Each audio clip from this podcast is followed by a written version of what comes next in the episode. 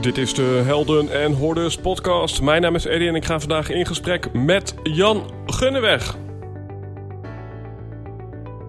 In de zomer van 2016 ontdekten we dat we een schakel waren in een netwerk van mensen die wij conscious business founders zijn gaan noemen. Bijzonder gemotiveerde ondernemers die ergens voor durven te staan. Ook als dat inhoudt dat ze daar alleen voor staan. Die 200% toewijding willen geven voor 1% groei en zeggen: Dit ben ik en dit is mijn bijdrage aan een meer gebalanceerde wereld. Helaas kon je niet bij al deze gesprekken aanwezig zijn. Daarom hebben we die bijzondere verhalen voor je samengebracht in deze podcast.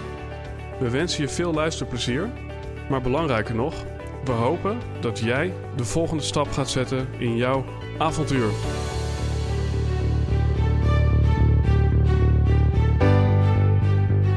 Met hoeveel aandacht en liefde heb jij gekozen voor de producten en spullen die jij op dit moment bezit?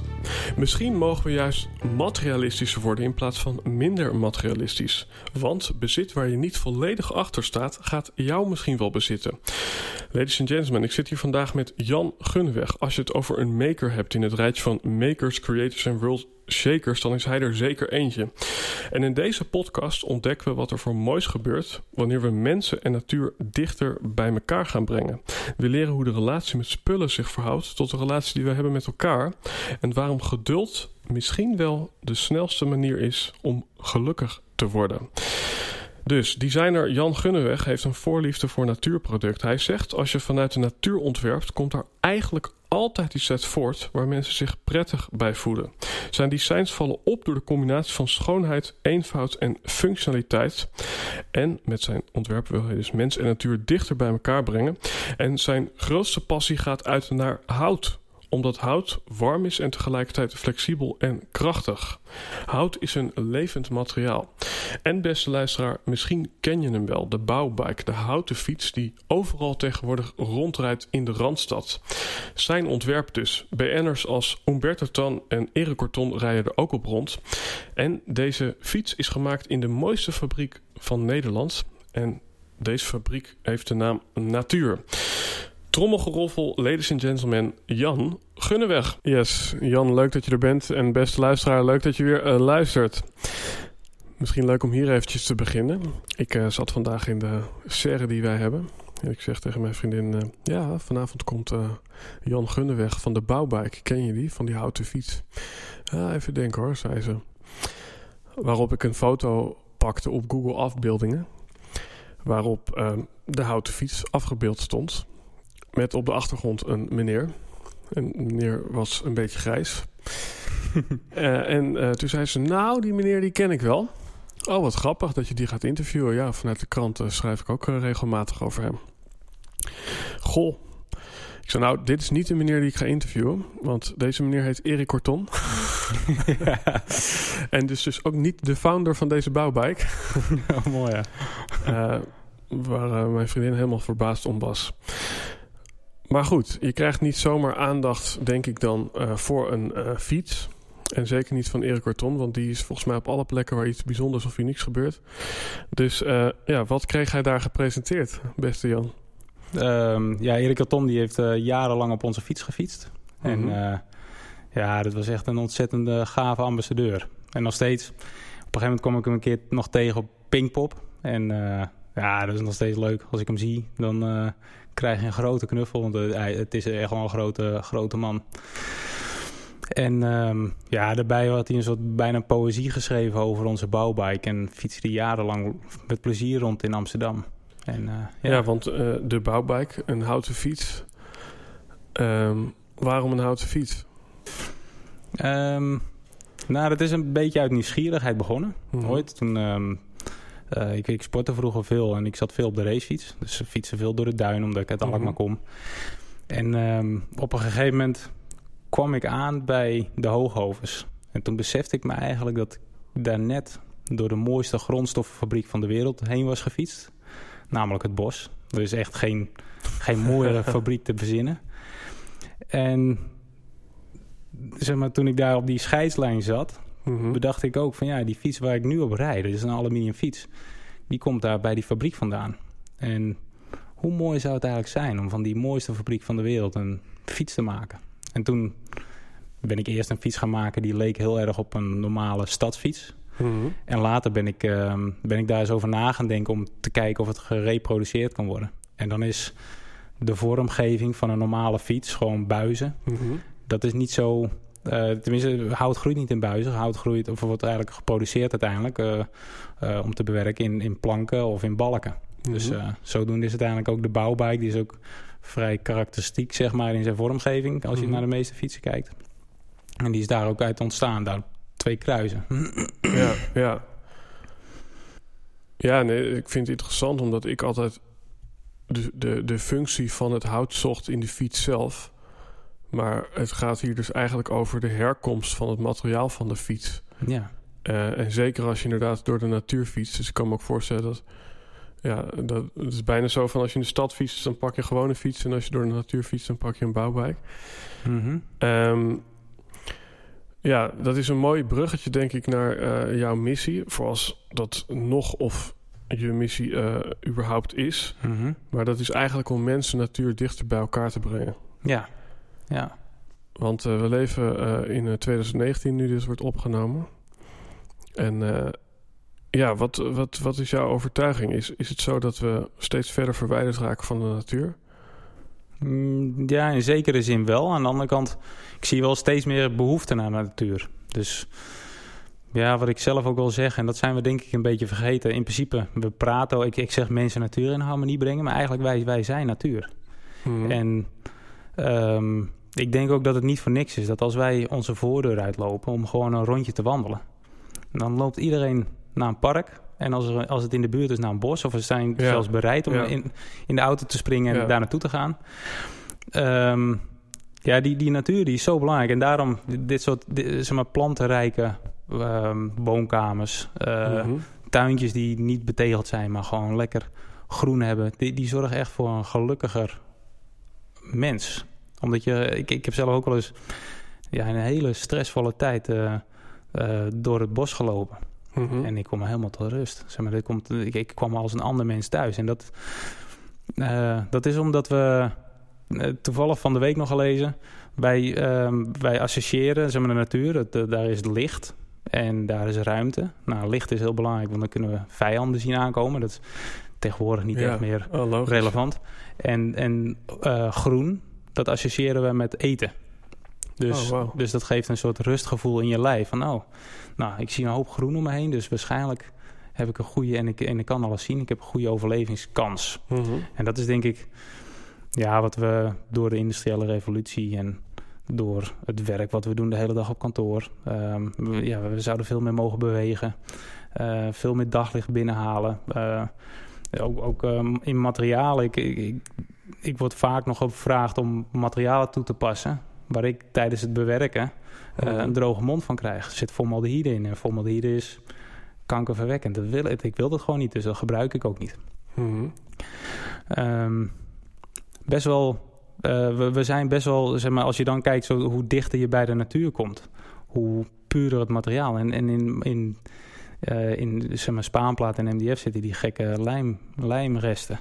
En, en gassen die dat uit, dan maar in de massieve planken, eiken of vuren of wat dan ook. eh, Ja. Vind je dat dus minimaal terug, al misschien alleen op de lijmnaad, maar eh, ja, zoveel mooier. Ja, want eh, ja, dat is, dat is misschien een beetje een gekke filosofische vraag, maar je zegt net wij zijn natuur. Wat is, als, je kan zeggen alles is natuur, toch? Ik bedoel, Ja. is, is niet een metalen fiets ook natuur? Ja, ehm, Ik, dat voelt voor mij niet zo, maar, maar ik, ik kan er geen woorden aan geven waarom dat dan niet zo is. Als je snapt wat ik bedoel. Ja, ja ik, ik denk wel dat, dat zeg maar eh, echte natuur, dat, dat groeit organisch. Dat is niet met geweld tot stand gekomen. Mhm. Dat is, ehm, eh, dat is, dat is ontstaan door, door zoals een boom, eh, zonlicht, eh, CO2 en water. Dat, dat is hier oneindig en dat is ook een, een, een, een proces wat altijd on- oneindig ook door kan gaan, als, mits je het goed faciliteert. Dus we moeten niet de bossen leeg eh, kappen, maar we moeten Ja. zorgen dat dat goed gaat. En ik denk dat dat eigenlijk eerder natuur is, dat je... De natuur groeit zelf. En natuur, dat, dat ademt, dat leeft, dat, dat, dat, dat zorgt ook voor zichzelf. En dat vind ik ook wel, wel een fijne gedachte. Mhm. Zeg maar, ehm, ik heb ooit wel eens een stuk gelezen, voor mij stond het in de Quest, dat ehm, eh, eh, wat, wat zou er gebeuren als de mens eh, er niet meer was met de natuur? Dat was dan de vraag. En eh, dan kwamen ze uiteindelijk uit bij Tsjernobyl. Dat is natuurlijk net een enorme ramp, Ja. of een net, maar dat is vrij kort geleden. Een enorme ramp geweest, waardoor alle mensen daar weggingen. En wat bleek, uiteindelijk floreert de natuur daar. En dat vind ik wel een mooie, geruststellende gedachte, ook omdat ik zelf natuur ben. Ja. Ik geloof eigenlijk wel, kijk, we, er zijn enorme rampen die wij kunnen, die kunnen we beter niet aangaan. Maar Mhm. uiteindelijk ja, zijn we ook wel weer Ik dacht sterk. namelijk dat je een hele andere kant op wou. Want ik ben altijd enorm gefascineerd geweest eh, door eh Tsjernobyl. Eh, ik denk mede omdat mijn compagnon en ik beide ja, geboren zijn in het jaar dat die ramp plaatsvond. Dat was, eh, als ik het me goed herinner, hetzelfde jaar dat er ook kernproeven werden gedaan in de Noordzee. Waar mijn moeder toen eh, eh, met een zwangere buik nog heeft gedemonstreerd. Want ja, er was net duidelijk dat ja, zwangerschap en straling... dat dat ja, tot allerlei situaties kon leiden. Hm. Maar wat ik vooral daaruit uit opving was... ja, de, de, de verwoestende kracht eigenlijk van, van een kernramp eh, op die natuur. Eh, waardoor eh, planten hele rare vormen kregen... dier en mens allerlei ziekten kregen. Maar eigenlijk de kant die jij op gaat is... zelfs na zoiets, dat je letterlijk het op atomisch niveau de boel kapot maakt... Ja, herstelt de natuur zich. ja. En dat vind ik mooi, want dat heb ik er dan wel over gehoord... dat, dat er zelfs eh, planten eh, eh, geconstateerd zijn op dit moment in dat gebied... die immuun zijn geworden voor straling. Ja, ja Dus die, die hebben zich daar gewoon aan aangepast. En ook Ja. katten die geen kanker meer konden krijgen. Zoiets had ik gelezen. Ik, Wow. Ja, dat is, dat, dat is eigenlijk wel fantastisch. Tenminste, ja, ik, ik, ik, vind, ik vind het echt vreselijk wat daarmee gebeurt. Ook vreselijk wat we, wat we hier op aarde uitspoken met, met allerlei dingen die ten koste gaan van de gezondheid van mensen en, en natuur. Mhm. Ehm, maar het is wel, wel super tof. Ja, er gaan een aantal generaties overheen natuurlijk. Ja. En de straling zal nu ongetwijfeld niet zo sterk meer zijn als toen. Maar ja, het is wel, ehm, het is wel echt, echt zo gaaf. ja. Ja. Ik vind het mooi. Ik, ik, ik moet me ook denken aan eh, Hiroshima, waar ik dan ook nog geweest ben. Ik ben op een of andere manier altijd geïntrigeerd door dat soort eh, eh, ja, gebeurtenissen. Maar wat, is voor jou de definitie van duurzaamheid? Hè? Want we hebben natuurlijk van alles over gehoord. Mhm. En eh, de meesten die denken aan eh, CO2 of aan eh, tegenwoordig misschien aan wel of geen vlees eten. Maar wat, wat is voor jou duurzaamheid? Ehm, nou, ik, ik- vind eigenlijk duurzaamheid vind ik, voor het grootste gedeelte rekening houden met, met elkaar en met, met ook, ook wel de natuur. Dus dat zijn, eh, dat zijn keuzes maken, inderdaad. Eh, geen ja, biologisch eten. Ehm, eh, zeg maar, maar dan, dan zou het mooi zijn als je bedenkt van nou, biologisch eten is goed voor jezelf, maar je kan het ook doen voor de ander. Ik, heb vrienden van mij die wonen aan een, aan een boerenweiland. En ehm, die vertelde laatst dat hun kinderen buiten aan het spelen waren. En toen kwam er zo'n tractor met van die grote armen, zeg maar met van die, van die gifdampen. Ik, ik, ik weet niet hoe, hoe sterk het is, maar ik kan me gewoon niet voorstellen als er dieren aan doodgaan. Dat je daar eh, jouw kinderen in die dampen wil hebben. Dus zeg maar, je koopt biologisch eten, misschien voor jezelf, maar ook voor die kinderen die daar in de Ja. tuin aan het spelen zijn. En die, ehm, ja, de, de- die, die, die daar gewoon last van hebben. En, eh, en, de, en de dieren en, en, en de grond en de bijen. En, Ja. zeg maar, dat, dat vind ik ten eerste eh, een stukje duurzaamheid. Ehm, ja, misschien ook wel dat je... eh, ja, ik vind het op een gegeven moment het, zeg maar, de, de consumeren, hoe we op dit moment bezig zijn. Ehm, eigenlijk, ik, ik denk dat dat het ook wel een beetje is, gewoon weer de waarde brengen in, het, in hetgeen wat we, wat we aanschaffen. Ehm, waar, zeg maar, waarde brengen ook. Kijk, als, als, je, als je iets koopt met waarde Mhm. en je geeft dat ook aan iemand, omdat, hij, omdat je dat gewoon, dat vind je tof. Omdat hij het waard is. omdat hij het waard is, ja. Ja.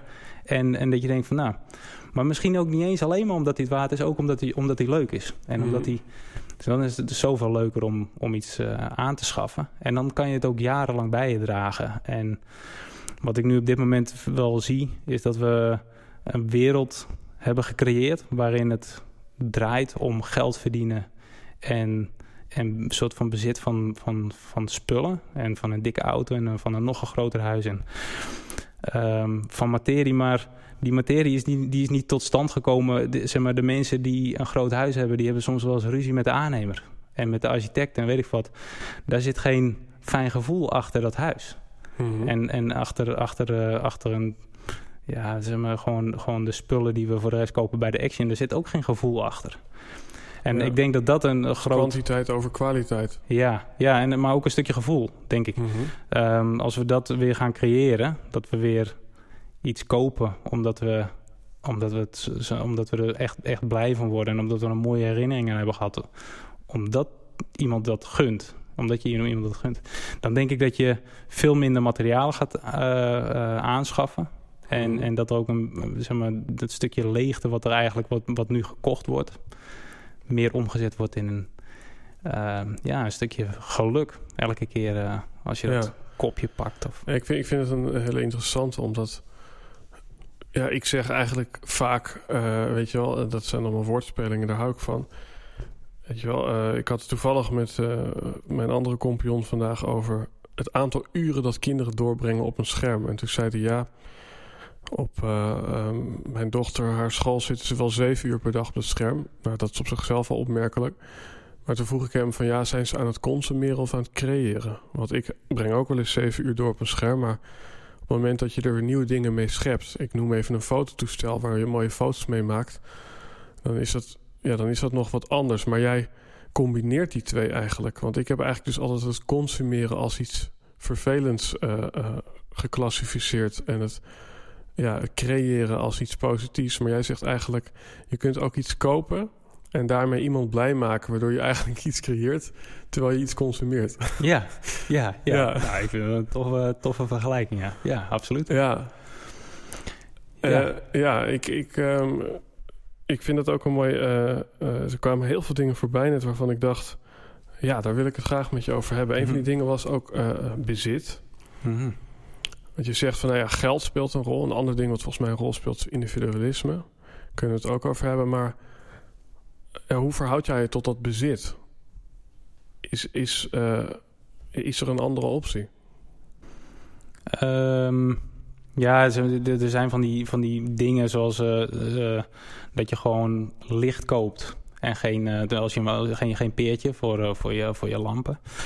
Um, dat vind ik een hele mooie, heel mooi initiatief. Daar zou ik op zich ook zeker aan mee willen doen. Omdat ik ja, ik en dan heb je een abonnement op licht, of hoe moet ik dat ja. zien? Ja, klopt. Dus uh, je, je, koopt in plaats van dat je van Philips gewoon een peertje koopt... om, uh, om je, uh, ja, die in je fitting draait en dan heb je een lamp... die, mm -hmm. die na vijf of tien jaar of, of vijftien jaar stuk gaat...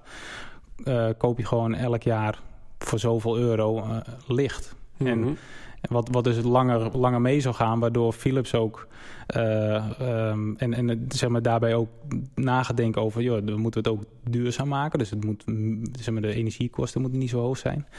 Um, tegelijkertijd uh, gaan ze ook een beter product maken. Want uh, zeg maar, als hij 20 of 25 of 30 jaar meegaat, dan scheelt dat bij hun ook in de portemonnee. Mm -hmm. En dat vind ik zelf vind ik dat een heel mooi ding als dat, als dat rond zou komen. Ja. ja, dus dan kom je op meer gebruiken van uh, in plaats van uh, bezit door. Ja, klopt. Ja, en, kijk op zich, ik ben niet, niet per se tegen bezit. Um, uh, maar misschien wel um, zeg maar op de manier waarop we nu met bezit omgaan, of we, zeg maar dan, mm -hmm. ja, dan misschien dat ik mezelf ook wel daarin op sommige momenten vind. Mm -hmm. um, zeg maar, ook, ook vanwege dat er geen keuze is om, om het beter te doen. Ik zou heel graag kwaliteit kopen. Ik, heb, ik, ik fiets bijvoorbeeld vaak op, uh, op mijn oude 26 inch mountainbike door de duinen. En mijn, al mijn vrienden hebben weer een nieuwe 29er gekocht.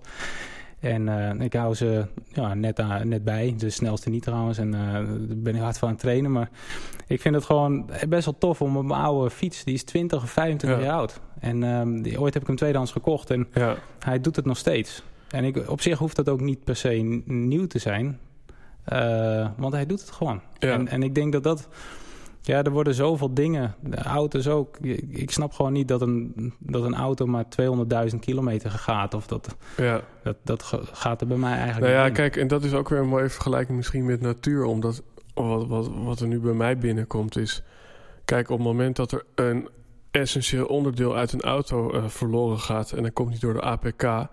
Ik zie nog een filmpje voor me van eh, eh, een kennis van mij... waarbij de Jeep, zeg maar, eerst op Instagram komt als... eh, dit is nu mijn nieuwe buddy. En twee jaar later een filmpje van dat dat ding... als een vierkant blokje metaal verdwijnt in de sloop. Waarom? Zo. Ja, er was iets mis met de accu en daarnaast was de motor niet helemaal goed. Ja. Toen dacht ik, ja, maar stel dat je een mens bent en dat je van die mensen allemaal een blokje maakt. Eh, omdat er eh, misschien ergens een, eh, een adertje niet helemaal goed heeft gefunctioneerd. Ja, ja, ja. Dan vervang je toch dat adertje, of sterker nog, dat vervang je niet, dat probeer je te repareren. Ja, ja, ja. ja. ja meestal wel, ja. Ja. Ja, en, dat is inderdaad van de relatie die we inderdaad hebben met spullen. Wat ik uit je verhaal haal, is, is vaak anders dan de relatie die we hebben met elkaar. Terwijl spullen ook vaak ja, een, een heel leven achter zich hebben om eh, te worden wat ze zijn geworden. Ja, klopt. Dus, maar, het wordt, er wordt af en toe zo makkelijk. Ik denk, ik denk dat daar er zit een soort leegte soms ehm, bij mensen en die proberen ze op te vullen door spullen aan te schaffen of door, eh, nou ja, la- laat ik het zeggen, spullen of door heel veel geld te vergaren of dat soort dingen. En dat is denk ik niet, ehm, eh, ja, dat is niet hetgeen waar je gelukkig van wordt. Zeg maar, Mhm. ja, als je een nieuwe auto koopt of, of dan, dan is er even een kortstondig geluk. En dat, Ja. is, dat is, ik denk, Ja. denk dat is bijna verslavend, zeg maar, als je, als je het eh, om je heen ziet. Terwijl als je het zou kopen van iemand die het helemaal zelf draait... en het is gewoon een fantastische auto die Mhm. gewoon ook super zuinig rijdt... en weet ik wat al, ja, je kent hem. Eh, Dat, dat, dat zou het, Ja. dus of het praktisch mogelijk is, weet ik niet. Maar er zijn, er zijn heel veel producten die zouden we aan kunnen schaffen... gewoon weer ja, bij, de, bij de bron. En... eh, ja, om bijvoorbeeld een voorbeeld te nemen. Op een gegeven moment waren ik, ik had, stond op een beurs, stond ik naast iemand en daar had ik heel veel leuke gesprekken mee. En op een gegeven moment, ik, ik ben ook nooit van de brochures uitdelen, dus ik had een, een miniatuur eh, bak gemaakt met, eh, waar je allerlei functionaliteit aan kan koppelen. En die gaf ik dan af en toe mee. Van joh, dan zet dat eraan. En ik had haar een snijplank gegeven. En toen zei ze, nou weet je, ik, ik vond het zo leuk. Zo, zoals je hier bezig bent. En Mhm. ik heb voor jou een speciaal een, een, zeg maar een kopje gemaakt. En dat is, is, was een pottenbakster en er zat een heel mooi koffiekopje. En dat was van mijn vrouw en mij allebei het lievelingskopje Mhm. om, om koffie uit te drinken. En dat komt ook omdat ik aan de ene kant zo'n mooie herinnering aan heb gehad. Ja. Ehm, het is gewoon leuk dat je uit iets kan drinken wat gewoon weer, waarvan je de bron kent. En, Ja.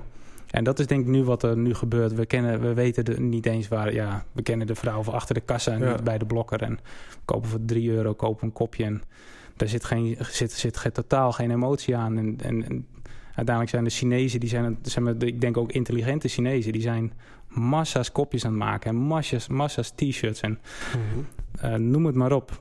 Ehm, die, die intelligente Chinezen zitten er ook denk ik echt niet op te wachten. Maar Ja. het is alleen maar het geld. En, Ja. en, en, en daardoor mist ieder product bijna zijn Ja. waarde.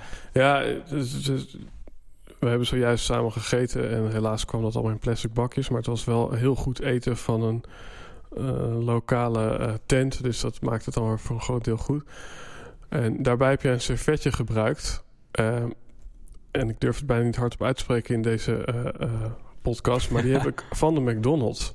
Ja. Eh, omdat we op vakantie waren en alles was duur. En toen heb ik dus dat servetje meegenomen. omdat ik een hele stapel kreeg. En er was geen gelegenheid om het terug te geven. Want ja, je, Ja, je bent een soort van... Ja, precies. Eh, het weggooien, dat zag ik gewoon niet zitten. Want het was een flinke stapel. Dus als je goed kijkt, staat er ook een M op. Maar die heb ik dus gewoon helemaal meegenomen en hier neergelegd. En nu ben jij de tweede... De vorige gast van deze podcast, die heeft dus dat servetje zelf gepakt. Dus die vroeg ook niet om. Die liep helemaal naar de andere kant van de ruimte om. Ja, dat geeft mij gewoon een heel groot gevoel van geluk. Dat ik denk van ja, dat heeft gewoon alsnog een leven gekregen. En Ja. ja, Het is niet in de bak ge, ge- beland. Ja. ja. te gek. ja. Dus op zich, eh, ja, is toch wel goed. Ja, zo, zo hoor je ook wel met veel spullen gewoon om te gaan. Wordt zoveel weggegooid. ja. En, en wa- waar, waar loopt voor jou dan... Want je zei net, nou, je mag ook iets bezitten als het aan mij ligt. Ja. W- wanneer mag je iets bezitten? Ma- Mag dat altijd? En, en wa- wa- wanneer is het beter om het te gebruiken en wanneer is het beter om te bezitten? Ehm, ik, ik denk dat het best wel eh, mooi zou zijn. Ik vind, ik vind eh, licht vind ik een heel mooi voorbeeld. Dat, dat, is, dat zou ik willen gebruiken. Mhm. Eh, ik denk eh, vervoer ook. Ehm, zeker in mijn beroep. Ik, ik, ik, ik ontwerp en ik maak spullen. Dus ik af en toe dan, eh, dan wil je wat bezorgen. En hoe mooi zou het zijn als er gewoon altijd een wagenpark is. En dat ik dan de bus pak. En dan, de, Mhm. dan dat kleine, kleine elektrische mm, ja, autootje. Of, eh, zeg maar, ik, ik, vind, ik vind dat, dat zou ik ook heel graag willen gebruiken. Ehm, ik denk dat er uiteindelijk misschien wel de grens ligt. Tenminste, als ik, het, als ik over mezelf praat. Dat ik, ik, zou, ik zou een kopje van de pottenbakker. Die zou ik heel graag willen bezitten. Mhm. Gewoon eh, ook omdat ik hem elke dag eh, gebruik. En als hij stuk valt, vind ik het ook leuk om gewoon weer een nieuw kopje te kopen bij de pottenbakker. ja. Ehm, dus ik wil eigenlijk wel dingen bezitten. Misschien is dat wel de, de uitkomst, denk ik. eh, waar, waar ik de bron van ken. En, en waarbij ik een relatie of een band heb met degene die het heeft gemaakt of tot Ja. stand heeft gebracht. Ja. Is daarin een van de twee belangrijker? Dus eh, ik noem even... eh, nou, eh, fiets bij fietsenmaker X is iets minder misschien dan bij bekend merk Y. Maar daarmee weet ik van wie ik het koop. En dan koop ik het toch daarom. Voor mij geldt het vaak wel zo. Maar ik, ik ben zelf ook wel... ik, ik weet niet hoe dat komt, maar ik...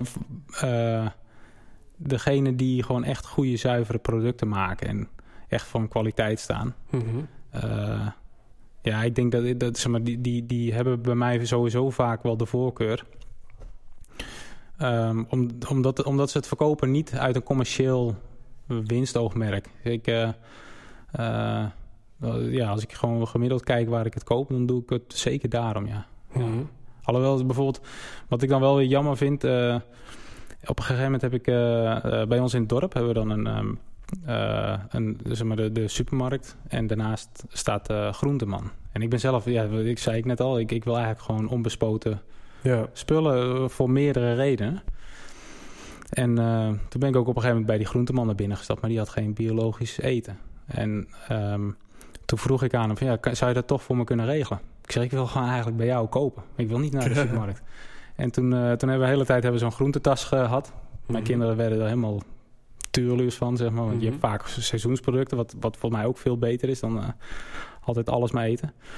Maar ehm, eh, ja, uiteindelijk stopte dat, omdat hij dat... Ik, ik was de enige die dat kocht bij hem. Ja. Ik heb nog wel reclame zitten maken over... Of, "Joh, moet je daar bij die, bij die Mhm. groenteman. Ik vind het gewoon... Maar ja, nu, nu zit ik wel in een soort spagaat. Ja. Kijk, aan de ene kant gun ik het hem... eh, gun ik hem de handel. En ik, en ik vind, vind hem veel leuker dan, dan, ehm, eh, dan die grote supermarktketen. Alleen daar, eh, ja, als ik dan s'avonds thuis kom, ja, weet je, dat is ook wel eens na vijf uur. En hij gaat bijvoorbeeld om vijf uur dicht. Ja, normaal met zo'n groentetas is het een mooi, op- Ja. pik je het op. En dan, ja, dat is eh, soms wel logistiek wel eens lastig om te kiezen voor die Ja. fijne, toffe groenteman. Ja. ja. Jammer. Want hè, we, hebben hier net een aantal thema's eh, aangekaart. Duurzaamheid, wat natuurlijk nog steeds hip en happening is. eh, maar individualisme. Toevallig heeft eh, onze vriend Baudet daar een stukje over geschreven. wat, ja, ik, hoe jij op mij overkomt is ja, daarin niet heel individualistisch. Dus eerder altruïstisch of ja, uitgaan van, van, van we zijn samen één. En ja, ben deel je dat met mij, dat, dat we steeds individualistischer worden? Ehm, nou, dat, dat denk ik wel. Zeg maar, ehm, wat ik op dit moment bijvoorbeeld... eh, eh, toevallig was vanavond die, vandaag iemand bij mij op de zaak op bezoek... en die is aan het solliciteren. En die zegt... eh, ja, wat, wat hij gewoon vreselijk jammer vindt... is dat hij gewoon... Hij, hij ontmoet niemand. Mhm. Ook niet meer van het uitzendbureau, ook helemaal niemand meer. Hij mag online mag hij gewoon wat invullen. Ehm, het gaat eigenlijk het gaat niet meer om, om elkaar. Het, zeg maar, het, ga- het gaat om papier. En Ja. over, eh, zeg maar, dan, ik denk dat je daar wel eh, individualistisch van wordt. Ehm, ja, ik, ik probeer nog andere voorbeelden. Zeg maar, Het zal natuurlijk, aan de ene kant heeft het ook wel weer ergens een voordeel. Maar ik denk wel ehm, dat, dat, ja, dat gaat eigenlijk ja, dat gaat niet om elkaar. Dat gaat niet om Mhm. wij. Het gaat gewoon om papier en over. Dat, dat, dat is niet. Ja, dat, dat, dan sta je echt in je eentje. En, en mag je maar hopen dat iemand die dat individualistisch beslist, Ja. dat je op bezoek mag komen. Eh, en dan, ja, dan pas begint het echt. Zeg maar. stel nou dat, eh, eh, dat er duizend andere mensen in jouw dorp ook meubelmakers zijn, want dat is wat je doet. Ehm, en die bewerken ook allemaal hout vanuit de natuur. Die hebben ook allemaal dezelfde prijs. En eh, die hebben ook allemaal dezelfde doorlooptijd. Ja, eh, dan, dan komen ze dus. de- ja, waar, waar kiezen ze dan uit? Kiezen ze dan eh, voor Jan? Of, of kiezen mensen eh, die jouw klant zijn vooral voor, voor, de, voor, voor het meubel? Mm, bij mij is denk ik het meeste is wel omdat ze eh, kiezen ze voor mij. Ja, Eh, en dat vind ik wel, wel super tof. En als ze voor, voor, ja, voor, voor andere dingen, voor het meubel gaan of ehm, ja, dan. Maar ik denk inderdaad, over het algemeen kiezen ze toch wel over, over voor de persoon. Ja, Mhm. dat, eh, dat denk ik wel. Ja. ja, ik vind het interessant voor ondernemers. Want wij zijn natuurlijk een beetje opgegroeid met Simon Sinek met Why, How, What. Mhm. Toen had ik toevallig vanmiddag een gesprek over iemand die zei... de hoe, en dan niet de HOE, maar de WHO. Dus wie is belangrijker tegenwoordig dan why? ja. Want eh, why, dat is waar we het met elkaar eens zijn. Maar dat zijn we dan gauw als we bij wijze van spreken... of allebei eh, een beetje links zijn of een beetje rechts of wat dan ook. Maar dan komt het al gauw neer op, op, eh, op wie. En ik denk dat het een hele interessante is... om, om, die, om die manier in te steken. Omdat er misschien ook steeds meer mensen komen... die ja, de mogelijkheid hebben om te creëren... of dingen bij te dragen eh, in de creatieve industrie omdat al het stomme en suffe werk, dat wordt waarschijnlijk dan wel door die eh, fabrieken gedaan. Eh, niet de natuurfabriek, maar de hoogovens- hoog- hoogovensfabriek. Mhm. ja. Ik wil, ik wil één stapje terug met je. We hadden het over, ehm, over bezit. En dan heb ik even een mooie analogie. Mijn compagnon Jur, die hier ook in de ruimte is... die heeft me ooit een boekje gegeven... en dat heette Buitenaardse Beschaving... van eh, Stefan eh, ten Aarde. Kijk eh, de jury even aan. En daar wordt beschreven dat die hoofdpersoon van dat boek op zee vaart... en op een gegeven moment wordt die, komt hij in contact met een ufo. En dat boekje is al geschreven in de jaren zeventig. Het is echt een fantastisch boek. En via dat boek, eigenlijk via dat sprookje... probeerde de schrijver ja, zijn kijk op de wereld te delen... waar mensen misschien in die tijd nog helemaal niet voor open stonden.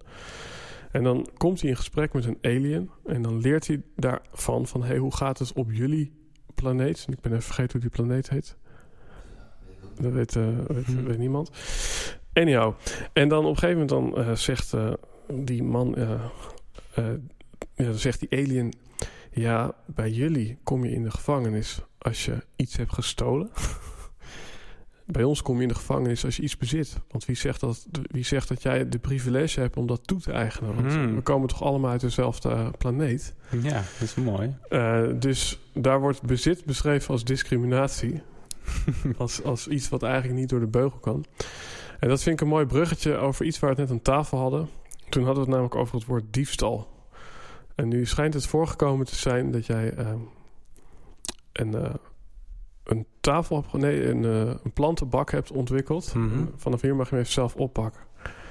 Je hebt een plantenbak ontwikkeld en toen gebeurde er iets. Ja, klopt. Ja, daar, eh, ehm, ik, ik heb ooit voor de gemeente Amsterdam heb ik plantenbakken ontwikkeld. Omdat ik, ik, zeg maar, de, de vraag was eigenlijk... We hebben nu houten plantenbakken en die gaan constant stuk. Na drie jaar ligt de bodem eruit en dat soort dingen. Kan jij iets ontwikkelen waardoor dat gewoon niet meer gebeurt? Dus ja, dan ga je erover nadenken. Dan ga je een beetje eh, Mhm. ja, constructies bedenken. En uiteindelijk heb je dan een prototype gemaakt. Eh aantal ook verkocht aan de gemeente Amsterdam. En uiteindelijk zijn die daar mooi neergezet. Ehm, weer een beetje geoptimaliseerd. Uiteindelijk ook wel eens garantie gegeven op bepaalde plekken. Waardoor je de plantenbak nog wat beter maakt. Je upgrade hem eigenlijk. En op een gegeven moment kwam ik erachter dat, dat mijn plantenbakken... eh, die werden gekopieerd. Gewoon één op één door, door iemand anders. Mhm. En eh, ook nog wel iemand die bij mij uit de buurt kwam. En dat, ehm, eh, ja, dat is dan wel lastig. Kijk, dus, maar waar ik het een beetje mee vergelijk is... Ehm, en, en dat is heel mooi, zoals je dat net, net zei. Ehm, ja, we, we, stoppen ergens energie in. En daarmee denken we dat het ook daarmee van ons is. Zeg maar, ons huis is van ons, want we hebben onze uh, ja, krom gewerkt voor de, voor, om de hypotheek af te betalen en dat soort dingen. Um, en dan is het niet leuk als iemand anders zegt van, nou weet je, vind ik wel een leuk huis. Ik, uh, ik ga, die is van mij.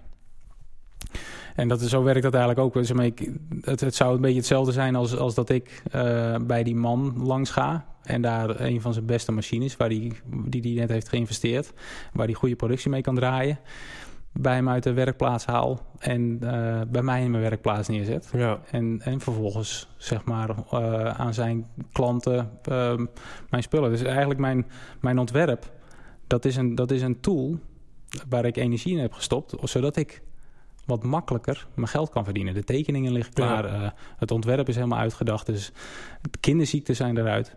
En vervolgens komt iemand langs en die pakt een schetsblok en die tekent hem heel snel na en gaat vervolgens aan mijn klanten uh, de bakken leveren. En dat is, uh, ja, dat is, dat is wel eens lastig. ik, maar, ik, maar ik vind het mooi, want die deel ik eigenlijk ook wel. Ja. Kijk, um, um, ja, want, want, want ik kan me voorstellen, dit is dus een punt, zou je kunnen stellen, dat je, je ideaal of je overtuiging op de proef gesteld wordt. Ja. Want, want je zegt eigenlijk van nou, we hoeven niet alles te bezitten en geven is even fijn als krijgen. Ja. Maar dan komt er wel eventjes iemand en die doet iets. En, en, en dan vraag ik me af, wat is daar precies ja, uh, lastig of, of, of, vervelend of zelfs super crap aan? Ja, nou kijk, zeg maar, het wel het eerste gevoel wat in je opkomt, denk je van ja, dat vind ik eigenlijk niet leuk. Kijk, ja. Uh, uh, ja, je stopt ergens tijd in iemand anders. Ja, dat, ik denk dat het precies hetzelfde is als dat, dat jij een fiets hebt gekocht. En, Mhm. en, en iemand anders neemt hem mee en denkt van ja, Ja. ja. hey, je knipt het slot door en je, en je neemt hem mee. Zo, Ja. zo, zo voelt het eigenlijk voor mij ook als je het hebt over mijn ontwerpen. En misschien nog wel erger, omdat je er veel meer tijd in hebt gestoken. Dan die fiets. ja. Ja, te, ja denk, denk het wel, ja. Ja. En ehm, eh, ja, zeg maar, maar daarin is het tegelijkertijd zo. eh, ik, ik voel het niet direct.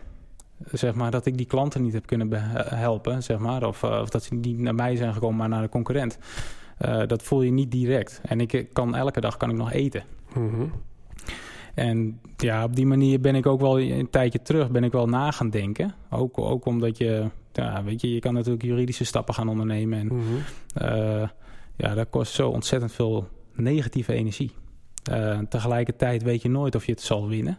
Mhm. Ehm, het kost ook vaak veel geld. En ehm, dat is denk ik nu op dit moment met producten zo. Ik weet niet waarom die man, die, daar ga ik binnenkort nog eens een keer een goed gesprek mee voeren, waarom hij het heeft, heeft nagemaakt. Heb je hem nog gesproken? Ja, ja ik, heb hem, ik heb hem een mooie brief gestuurd. eh, eh, toevallig, eh, ik, ik had het op social media gezet, Mhm.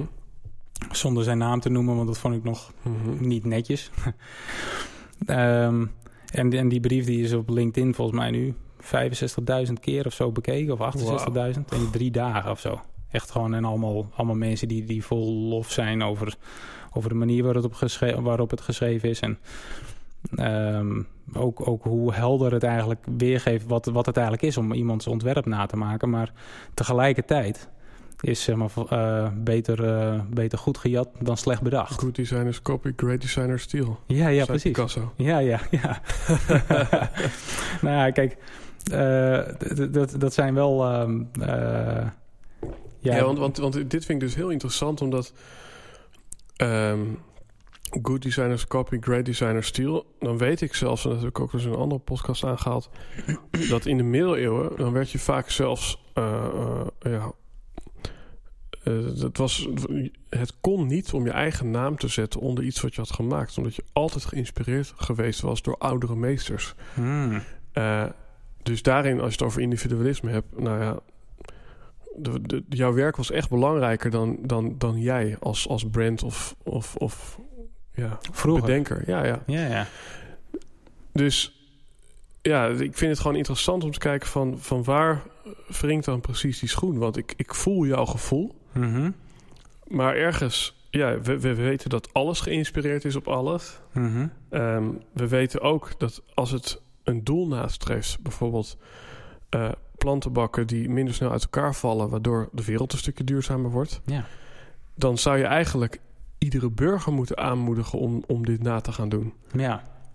En, en, en toch klopt het ergens niet. En dat vind ik, dat vind ik dan interessant. Ja, nou, ik zeg maar, wat ik, wat ik nou leuk vind... Kijk, ik heb, ik heb een talent voor het bedenken van go goede constructies met hout. En, Mhm. en, en, en daar een vormgeving aan te geven die, die aanspreekt. Of, eh, eh, nou ja, dat mo- mogen mensen trouwens zelf bepalen. Maar ehm, uiteindelijk, zeg maar, daar zit mijn talent. En het is wel tof als jij dat talent beheerst... dat je dat kan delen met anderen. Ja. Dus ik zou het heel mooi vinden. Ik, ik heb ook eh, misschien wel een mooi bruggetje, maar ik heb, ik heb nu ook op al mijn producten heb ik nou win-win ride. Dat is, dat is mijn eigen copyright symbool. Dat is een, eh zeg maar, copyright is eh, Mhm. dat C'tje met, dat, met die cirkel erom. Ja. Ik heb geen grenzen meer. Dus ik, ik denk, zeg maar, een grens dus zorgt ervoor dat, dat er conflicten zijn. Zoals, z- zeg maar, wat een mooi voorbeeld is, volgens mij staat het ook in Human, dat boek. Ik heb het zelf nog niet gelezen, maar ik heb niet. jaren terug heb ik van een, gehoord, volgens mij, ik denk van dezelfde filosoof. En die zegt van, ooit liepen wij hier op aarde en toen was er, waren er geen grenzen. Ehm, we plukten van de, van de, van de struiken en eh, eh, ja, we- misschien schoten we wat wild. En, en hoe, hoe dan ook, als op het moment dat er geen eten meer was, trokken we weer verder naar een volgend gebied en dan gingen we weer verder.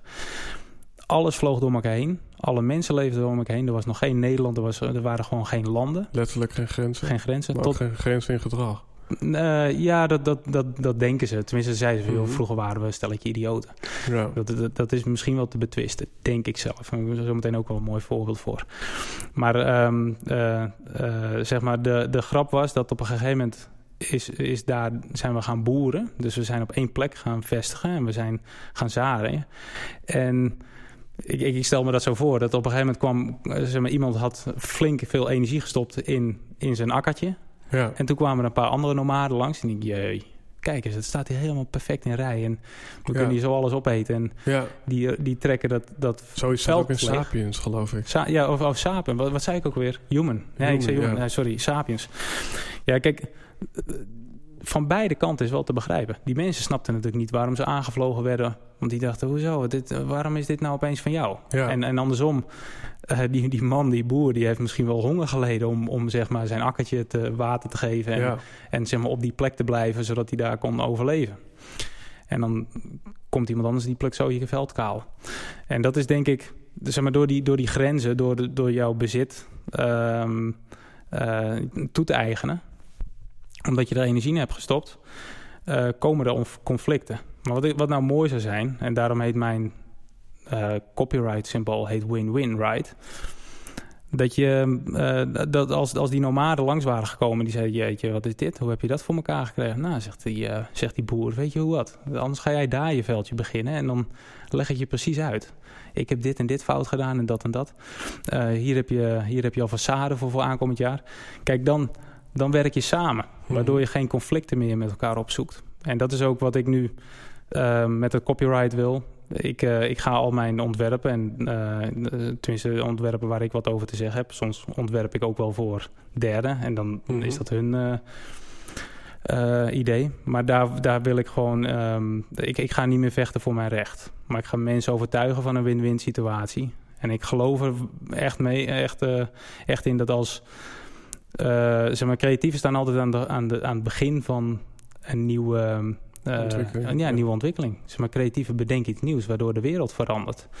Dus hoe meer creatieven hun idee weer open gaan zetten en zo, hoe dichter we bij een conflictloze wereld zouden komen waarin we samen gaan werken. En ja, daar, eh, eh, ja, dat zou ik van mij eens tof vinden om dat eh, eh, verder uit te werken. En Ja. stukje bij beetje iets meer vrede op aarde en elkaar het, eh, zeg maar, Ja. de, de, de kracht van de samenwerking inzien in plaats van het kopiëren van mijn producten.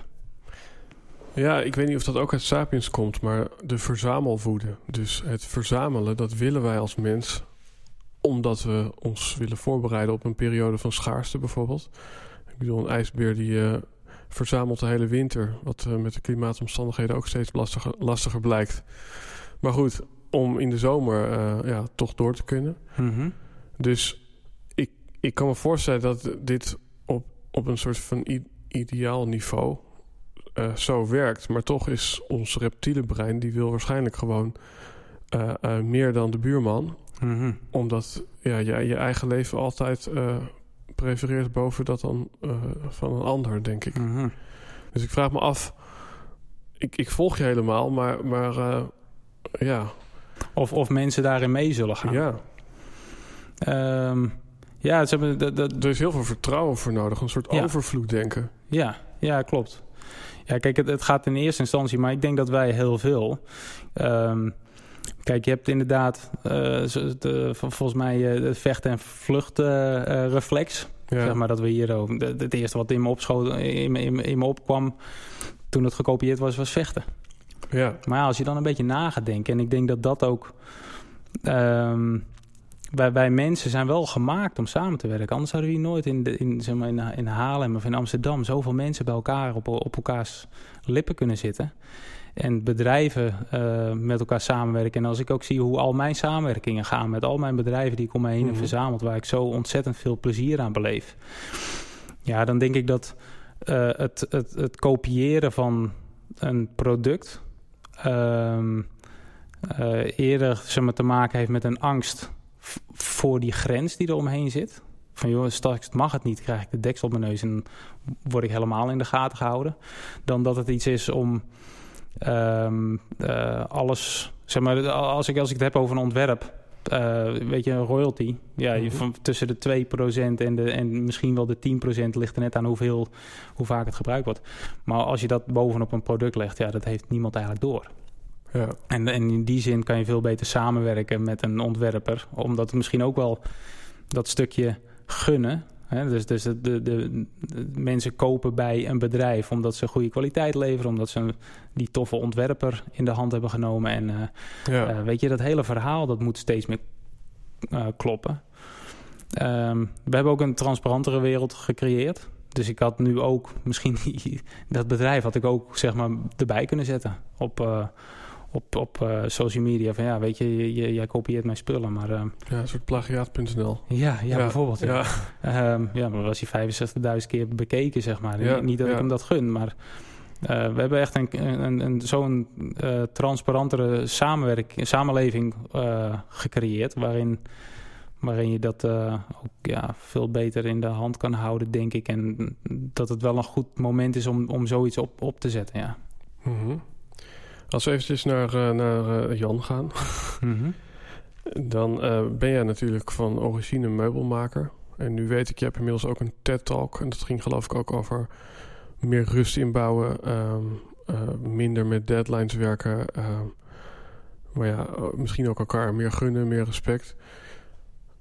Wat, waar, waar is het bij jou gestart? Al- Als je teruggaat naar jouw misschien tienerjaren of misschien je jeugd. Mhm.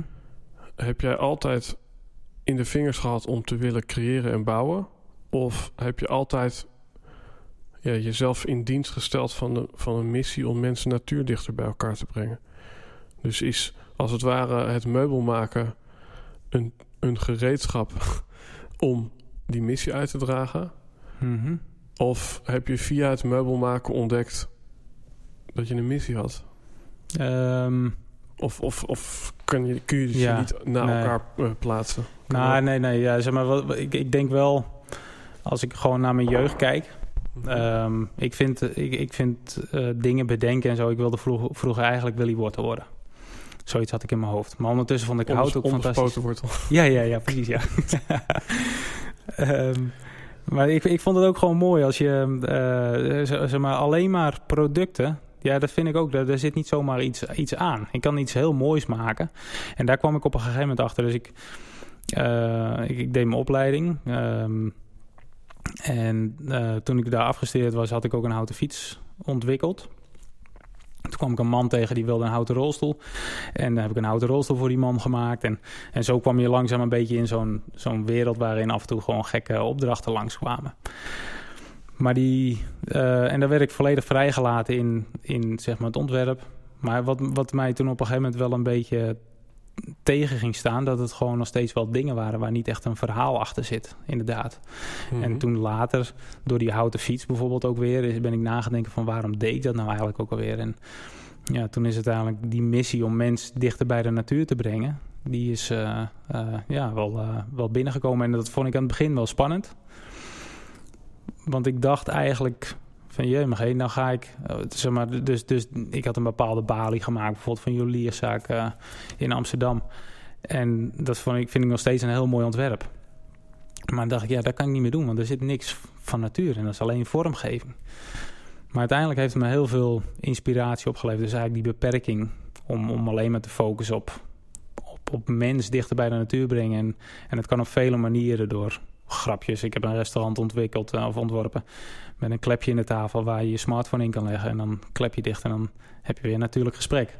Oh, wow. Ja, ja en um, uh, ja, die fiets vind ik ook wel een mooi voorbeeld. Ik, ik wil gewoon dat, dat, dat probeer ik altijd mee te geven aan die, aan die klanten. Want als je een rondje fietst, probeer te genieten van, van, van je rondje. En niet, mm-hmm. niet zo snel mogelijk van A naar B. Of, of pak, pak het park of pak het bos en ja, geniet ervan. En ja, en ook, ook bijvoorbeeld een huis op een gegeven moment ontwikkeld. Van ja, mijn, mijn duurzame droomhuis was dat dan.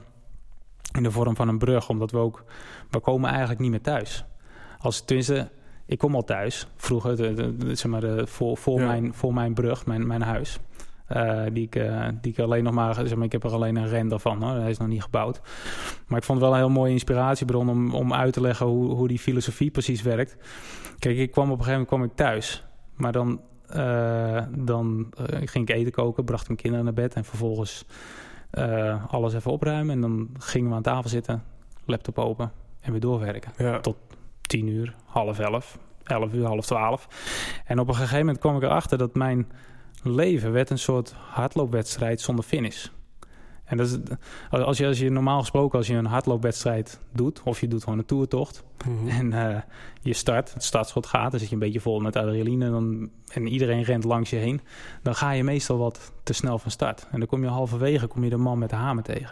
Ja. En die man met de hamer, die is eigenlijk, uh, die, die, die, ja, die, die, die staat er gewoon, daar kan je niet omheen. En uiteindelijk heb je dan gelukkig de finish die jou leert van, joh, nu ben je te ver gegaan als je volgende keer iets zachter van, uh, van start gaat. Ja, en nu en je... was je ook nog letterlijk zelf de man met de hamer. ja, ja, ja, dat klopt. Ja, we gaan eigen, eigen voor mijn kop. Um, maar uiteindelijk, um, uh, zeg maar, dat is eigenlijk, zeg maar, denk ik, de grap. We, we, vroeger was nog de sleutel van de zaak. Dan had je misschien een kladblok om thuis nog wat op te schrijven. Um, uh, en op zondag uh, zei de kerk van, joh, nou we hebben een rustdag. Ja. Maar we hebben de sleutel van de zaak niet meer. En veel mensen hebben ook de kerk ja. niet meer. Dat is, uh, de, ja, ja we hebben geen finish. En enerzijds mis je dus die man met de hamer. Maar anderzijds mis je iets wat in een hardloopwedstrijd volgens mij ook heel belangrijk is. En dat is een mooi boekje van Seth Godin, De Dip. En de dip is dus eigenlijk dat hamermoment. Maar wat blijkt nou? Mensen haken het meest af halverwege een hardloopwedstrijd. En niet bijna op het eind. Terwijl je zou denken, ja, maar dan hebben ze toch nog veel meer kilometers in de benen. Ja. Maar wat blijkt? Dan hebben ze die familieleden die daar staan te juichen. En dan is er weer een stukje adrenaline ook aan het eind. Om, om, om te weten, ik kan weer terug naar mijn familie. En dan kan je dat laatste stukje. Ja, dat is ook wel mooi. Dus dus ja, je mist niet alleen de man met de hamer, maar je mist ook nog de beloning aan het eind, eigenlijk. Ja, ja, ja, ja. klopt, ja. ja. En dat is denk ik ook wel, kijk, eigenlijk misschien wel heel mooi. Een hele mooie metafoor, omdat je ook, kijk, als je thuis komt, dan zijn er mensen die, waar je om geeft. Tenminste, als het goed is. Ja. um, daar moet je ook tijd in stoppen. En, en dan, dan word je ook warm onthaald. Ja. dus, net zoals bij die finish. Ja. En um, uh, ja, als jij thuis komt en je, je doet de functionele dingen... en je klapt daarna je laptop open... of je gaat achter je smartphone zitten en de social media uh, dingen doen... en ik, ik weet niet waar je allemaal druk mee kan zijn s'avonds. Uh, de tv staat aan en uh, ja. ja. op een gegeven moment word je ook overprikkeld. Dan, dan word je vanzelf al niet meer warm onthaald. ja. en uiteindelijk gaat je relatie stuk. En dan, ja, dat is, er, zijn, er zijn zoveel dingen waarom het zo belangrijk is... om goed thuis te komen en ja, daar, uh, daar is dat hele huis helemaal op ontwikkeld, zeg maar. Uh, ja. ja. Bewust maken. Wat, he wat heeft jou ondersteund in, in het ontwikkelen van die missie? Hè? Want we zitten hier in de Helden Noorders podcast en dan hebben we het ook over helden. Misschien is er een boek, want, want er zijn een heleboel ja, een soort van ingang waarvan ik denk... hé, hey, dat is een leuke analogie, dat is een mooie metafoor. Of Oh, zo heb ik nog nooit nagekeken. Wat, wat zijn boeken, of misschien films, of misschien personen die jou hebben geïnspireerd in ja, het bewustwordingsproces? Ehm, nou ja, eigenlijk inderdaad heel veel. Ik lees ook wel dat sinds ja, um, mijn 28ste of zo. Ik heb, ik heb dyslexie. Ik dacht vroeger dat ik geen boeken kon lezen. Ook zeker niet van die dikke. Want dat kwam omdat ik al alsmaar uh, uh, mee geconfronteerd werd.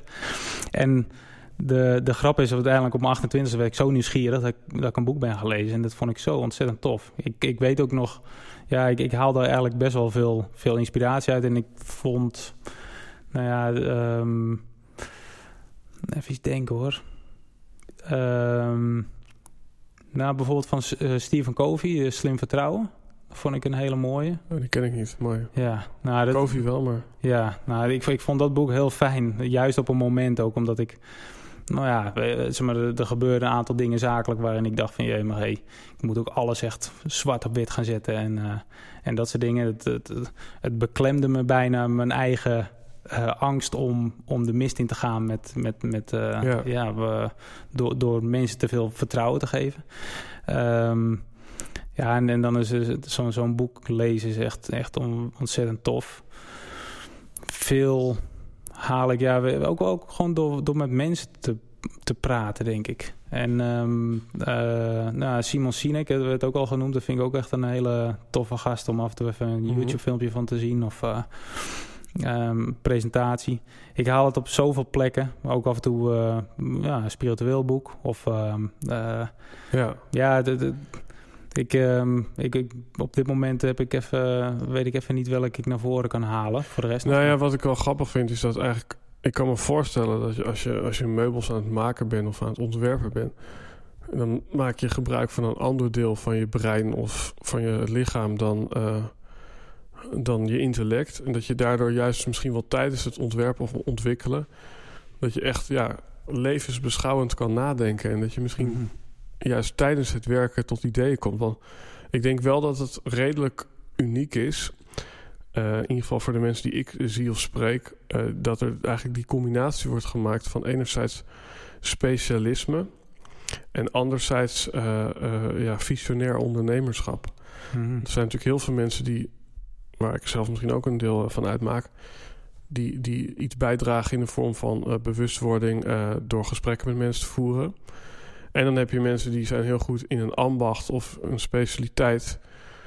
Maar die, ja, die zijn gewoon daar goed in. En die hebben daar niet echt een verhaal achter zitten. En ja. bij jou is dat verhaal eigenlijk samengevallen bij een stukje materiaal. Dat, mm -hmm. dat rijmt. Ja. dus... Um, nou ja, nou ja, goed, dat is misschien meer uh, een, uh, een veer die je in je uh, puntje puntje kan steken. ja, ja zeg maar, wat, wat ik zelf wel denk... Um, dat bewegen. Dus, dus waar ik op een gegeven moment ook achter kwam, dat als je soms heb je wel eens een beetje productiewerk, daar heb ik helemaal geen moeite mee. Dus het moet niet dagen achter elkaar duren. Maar mhm. als je gewoon de machines in hebt gesteld en je bent lekker met je hout bezig. En uh, dat is natuurlijk ook een heerlijk warm product. Maar ondertussen ben je dat mooi aan het verwerken. Uiteindelijk, terwijl je niet hoeft na te denken, maar wel beweegt. Ga dan van allerlei gedachten door mijn hoofd. Dus ik heb heel vaak een schetsblok naast me liggen of een stuk papier waar ik dan weer ideeën op zet. Of, um, ik, ik, denk dat ik heb, ik heb wel eens zitten denken van de, voor de mensen die willen brainstormen. Ja, die mhm. kunnen beter bij mij in de werkplaats gaan staan en even productie draaien. Omdat dat zo ontzettend creatief werkt. Tenminste in mijn zin. Eh, tenminste voor mij, absoluut. Ja. En ik denk dat dat voor iedereen gewoon bewegen. Um, niet op je kantoor zitten, niet op je luie gat om rond de vergadertafel. Het is gewoon... En ook lekker alleen. Je hebt oordop mm op, niemand stoort je.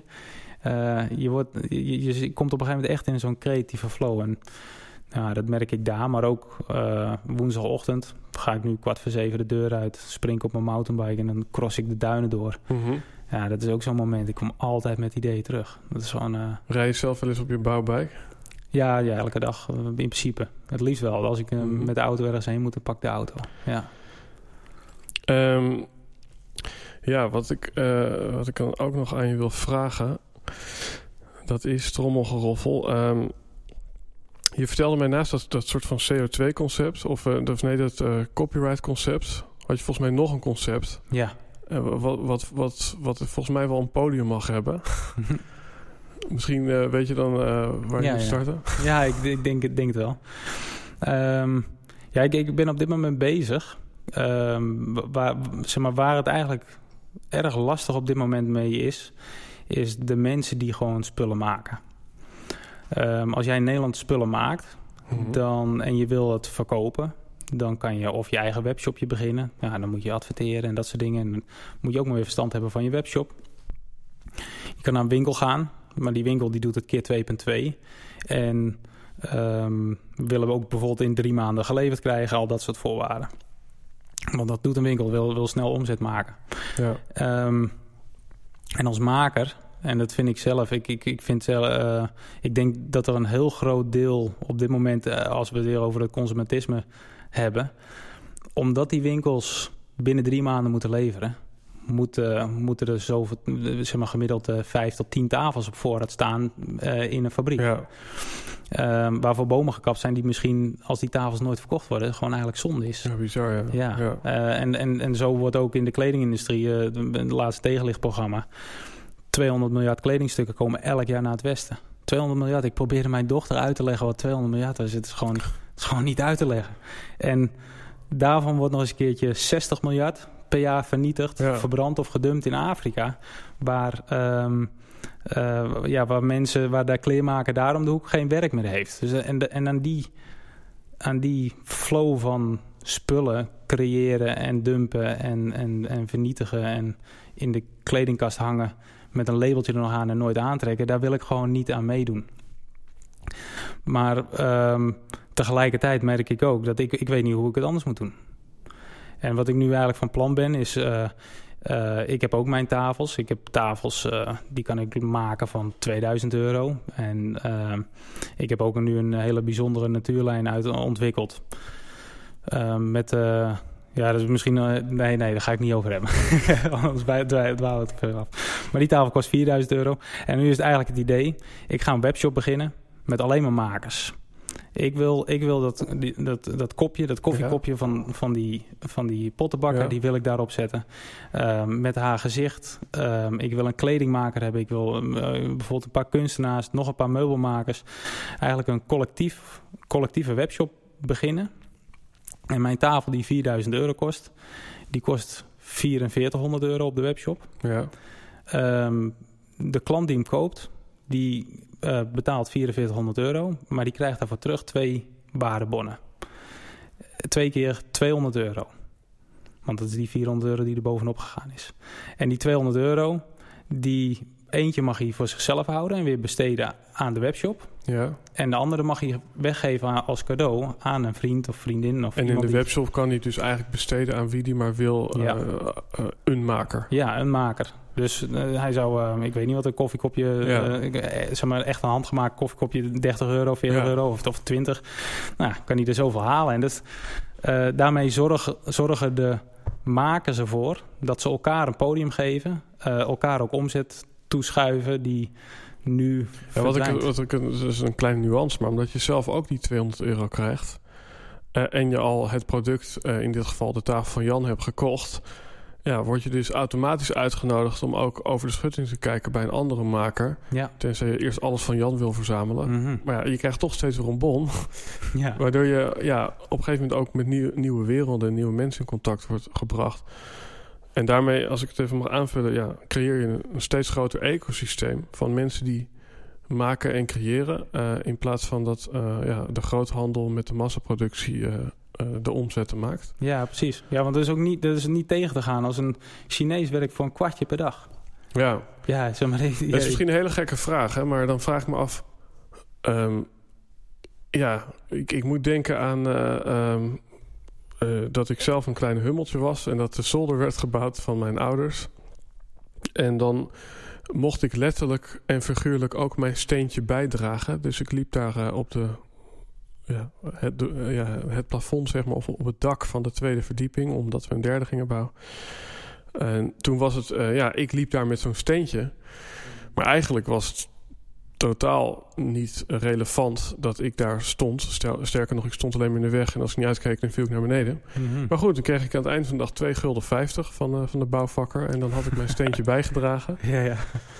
En dat, dat klinkt dan misschien heel erg uh, armoedig, maar is het dus niet ook zo van ja, in een wereld waarin steeds meer automatisch gaat en steeds meer welvaart en kapitalisme, ja, dan hebben we als mensen op een gegeven moment niks meer te doen en dan voel je betekenisloos. Uh, en dan associeer ik het enorm hoor. Maar ik heb een concept uitgevonden waardoor eigenlijk iedereen uh, die eigenlijk, ja, omdat we het zo goed hebben, niks te doen heeft. Um, uh, ja, toch maar wat werkgelegenheid krijgt. ja. Dan zeg ik het even heel lullig, hè? Ja, maar... ja, ja nee, vind ik mooi. Um, ja, kijk, ergens, ergens zit dat er wel in, denk ik. Um, maar dan meer... Ik was ook op een gegeven moment... Uh, volgens mij 25% van de mensen vindt dat ze een bullshit job hebben. En dat betekent, ze gaan elke dag naar hun werk. Ja. Um, ze, ze, ze gaan zitten op een kantoortje. En ze voeren de dag, hele dag voor een gevoel letterlijk niks uit. Eind van de dag gaan ze weer naar huis. Hebben ze elke maand krijgen ze een salaris betaald. En ondertussen voelen ze gewoon dat ze niks bijdragen aan deze maatschappij. Ja, ik vind dat het lijkt me heel erg om zo elke dag op te staan en um, uh, zeg maar beteken, betekenisloos ja. uh, in, in, in de grote massa uh, op te gaan. En ja, ik hoop eigenlijk wel dat die mensen ook, ook op een gegeven moment die stap durven te zetten van ja, ik had, ik had maar misschien ook een muzikant willen worden. Ik denk ook wel bijvoorbeeld muzikanten zouden ook op mij. Ja, dus eigenlijk in relatie tot bijvoorbeeld ja, de automatisering en uh, de grote fabriek en het kapitalisme, kan je zeggen van ja, als het gaat om, om de productie, ben jij als broodbakker niet meer nodig, want dat kan ook automatisch. Mm -hmm. Maar als een, vanuit een stukje zingeving en een stukje authenticiteit is het toch wel heel fijn als we allemaal gehoor geven aan ons talent of onze passie. Uh, en da daar draagt ja. jouw concept volgens mij vooral aan bij. Ik denk het wel, ja. En zeg maar, daarbij is denk ik ook nog wel verstandig om te doen. Kijk, wat er, wat er nu gebeurt is dat... Um, je, je, die regionale munt, hebben, hebben jullie daar wel eens van gehoord? Je hebt, bij ons in Alkmaar heb je nu bijvoorbeeld de fix. Okay. En uh, de fix is een regionale, regionale munt. En dat wil eigenlijk stimuleren dat je het in je eigen omgeving weer uit Tof. gaat geven. Ja. Zodat het geld circuleert binnen jouw netwerk. Mm -hmm. En uh, als jij het bij de H&M, ik weet eigenlijk niet waar de H&M, H&M gevestigd is, maar als je het daar besteedt, ja, verdwijnt het uh, naar de H&M en, Ja. en naar de grote platforms uh, wereldwijd en, en overal. Terwijl als je investeert bij die ondernemer bij jou om de hoek, dat, Ja. dat, dat zijn we eigenlijk een beetje vergeten. Want we zijn eigenlijk naar het kort gewin aan het kijken. Maar Ja. uiteindelijk komt die ondernemer die komt ook weer terug bij mij aan tafel kopen. Dus dat geld dat blijft in ons. En dan zie je ook vaak dat als mensen dus regionaal uh, hun geld weer uit gaan geven en elkaar gaan helpen en, en weer handel gunnen, dat volgens mij de economie ook met 16% in zo'n regio omhoog gaat. Dus um, ja, zo belangrijk is het nou om, om het geld eigenlijk te geven aan, aan, aan zo dicht mogelijk bij de bron, Ja, denk ik. en, en ik deel dat en ik vind het een mooi concept. Ik ken dat nog niet. Ik kan me voorstellen van, uh, dat mensen in eerste instantie denken... ja, maar dan hebben die derde wereldlanden helemaal geen omzet meer... want die uh, verschepen nu alles naar het westen. Maar ja, goed, daar zou dan eigenlijk ook zo'n munt in omloop moeten komen, zou je zeggen. Ja, ik denk, ik denk op zich. Um, ik denk dat een, een, land, ja, die wordt misschien wel rijker van productie. Maar um, uh, blijkbaar kunnen daar grondstoffen heen en kan je van grondstoffen iets maken wat waarde heeft. En, en als, als je iets kan maken, creëren wat waarde heeft, dan kan het toch ook in je eigen omgeving Ja. gewoon. Dan hoeven, hoeven die boten niet meer te sturen. Ja, Hoeven die grote panden met voorraden. Dan hoeven, hoeven we s'nachts geen mensen aan het werk te zetten om de webshops rond te draaien. Nou, ik vind het interessant van als je het vanuit een meer sociologisch perspectief bekijkt, hè, dan, uh, dan hebben we, nou ja, van oudsher uh, uh, leefden we in dorpen, maar we waren eigenlijk heel collectief. Dus Mhm. er, er was niet heel erg veel sprake van individualisme. Het was gewoon uh, ja, een beetje het kuddedier uh, idee. Ja, en dan op een gegeven moment uh, druppelde dat uit naar allemaal individualisme. En het mooie is nu, ik denk van hé, hey, wat, wat, wat, jij nu zegt, dat, dat, dat, we eigenlijk in een wat kleinere kring misschien ons voedsel, uh, wat lokaler ons voedsel, uh, elkaar stimuleren en uh, ondersteunen. En dan leven we in dezelfde maand dat er uh, uh, voor de EU is gestemd. En uh, een heleboel mensen zijn tegen Nexit en Brexit. En blijkbaar op dit moment zijn er meer mensen tegen dan voor. Mm -hmm. Dus, dus aan de ene kant zie je die beweging van... ja, we willen eigenlijk één Europees Samen. leger... of we willen samen. En, en anderzijds ja, zie ik ook wel heel erg het nut van dat kleine collectief. Dus is er volgens jou ook een voordeel aan, aan laten we bijvoorbeeld zeggen... De, een Europese Unie, aan het, aan het juist globaler denken? Mm. Ehm, ik, ik moet wel zeggen, ik, ik ben daar niet enorm in ge, eh, op, Mhm. op ingelezen of zo. Maar ik, ik geloof wel in een, ehm, eh, in een mooie samenwerking. Ik, ik vind het heerlijk dat ik gewoon overal met euro's kan betalen en, eh, Ja. en, de, en de grens over kan reizen. Zonder dat ik in. Zeg maar, die grenzen die zijn er niet meer. Dus Ja. dat, dat, dat, dat past ook heel erg bij mij. En ehm, ik, ik, vind, ik vind vrijheid, en dat vind ik ook wel een stukje wat eigenlijk uit de natuur komt. Vrijheid is denk ik een van de grootste vormen van geluk. Dus als jij de grens over kan gaan en je kan in Duitsland aan het werk, omdat je daar zo'n leuke baan hebt, of omdat Mhm. je Duits zo mooi vindt, of, Ja, of naar Frankrijk en of je hebt daar een geliefde gevonden. Ja, ik, ik vind het, dat vind ik allemaal ehm, heel veel voordelen hebben aan, aan een groter Europa, misschien wel een, een grotere wereld. Ehm, in plaats van dat we allemaal eh, individualistisch voor ons eigen land zouden gaan, zeg maar. ja. Ehm, maar dat een hoeft het ander niet uit te sluiten. Maar, Nee. ik, de, maar ik, ik denk wel, zeg maar, de, eh, de globalisering in de vorm van producties en, en, en dat soort dingen. Dat heeft iets eh, op de wereld achtergelaten wat, wat volledig uit de hand aan het lopen Ja. is. En ja, ik, ik vind het mooi, zonder, sorry dat ik je onderbreek, maar eerder hadden we het hier over bezit. En dat je bijvoorbeeld zei over een kopje en dan van wie komt dat kopje en dat is mijn kopje. Van ja, voor bezit geldt dat bijvoorbeeld het openbaar vervoer hoeft niet van mij te zijn. En het licht ook niet, maar dat kopje wel. Dus je geeft eigenlijk aan van, nou, voor sommige dingen geldt die regel wel en voor andere Mhm. dingen niet. En misschien kan je ook, dat is mijn conclusie, zou je kunnen zeggen van dit eh, mooie gesprek, dat je ook als je kijkt naar eh, globalisering versus eh, kleine microcommunities, ja, dan geldt er waarschijnlijk dat daar ook een soort hybride in komt. In het ene geval is het belangrijk om meer in een soort micro te denken. En in het andere ge- geval moeten we meer macro gaan denken. En ja. dus ja, het is, dan kom je bijna op een soort van door kleiner eh, eh, te gaan denken en handelen, eh, kunnen we grotere resultaten boeken. Het zou bijna een slogan kunnen zijn. Mhm. Maar, maar dat, dat vind ik heel belangrijk. Dat, dat we blijkbaar generaliseren.